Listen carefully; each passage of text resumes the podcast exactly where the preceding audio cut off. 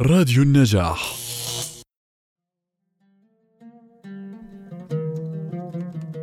إياك أعني واسمعي يا جارة.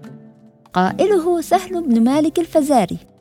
عندما خرج يوما قاصدا النعمان بن المنذر ملك الحيرة عاصمة دولة المناذرة تحت نفوذ الأكاسرة لكي يكرمه ببعض المال. فمر بأحد أحياء طي وسأل عن رأس القوم فأخبروه بأنه حارثة بن لأم. فلما توجه إلى بيته لم يجده ولكن أخت الحارثة التي كانت موجودة رحبت به قائلة انزل على الرحب والسعة. فنزل حيث أكرمته ولطفته. ثم خرجت من خبائها فرأى جمالا فتن أهل الدهر وأصابت سهامها قلبه. ووضعت له الفاكهة وتوجهت إلى مخبئها حيث دخلت عليها جارتها واستعارت شيئا وارتحلت. فسألها من هذه؟ قالت جارتي. فراح يفكر كيف يعبر وكيف يخبرها بما أحس أو يحدثها بما لمس في جمالها وليس جمال جارتها.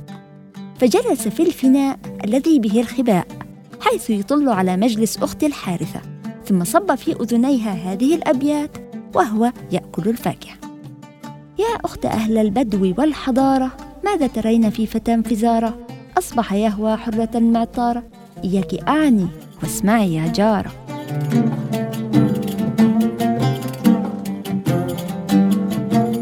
فلما استقرت كلماته في ذهنها عرفت أنه عناها فقالت بصوت مسموع ما هذا بقول ذي عقل أريب؟ ولا رأي مصيب ولا أنف نجيب. فأقم ما أقمت مكرما ثم ارتحل متى شئت مسلما. ويقال إنها ردت بهذه الأبيات.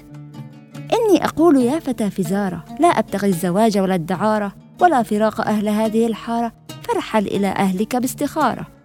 فاستحى الفتى وقال والله ما أردت منكرا أو قصدت سوءا. ثم ارتحل سهل إلى النعمان فأكرمه ونعم عليه بالمال والثياب. فلما رجع نزل على الحارثة فطلب أن يكون لأخته خاطبا. فتقدم إلى أخيها ويطلب يدها فتم ما أراد ثم تزوجا وعاد إلى قومه.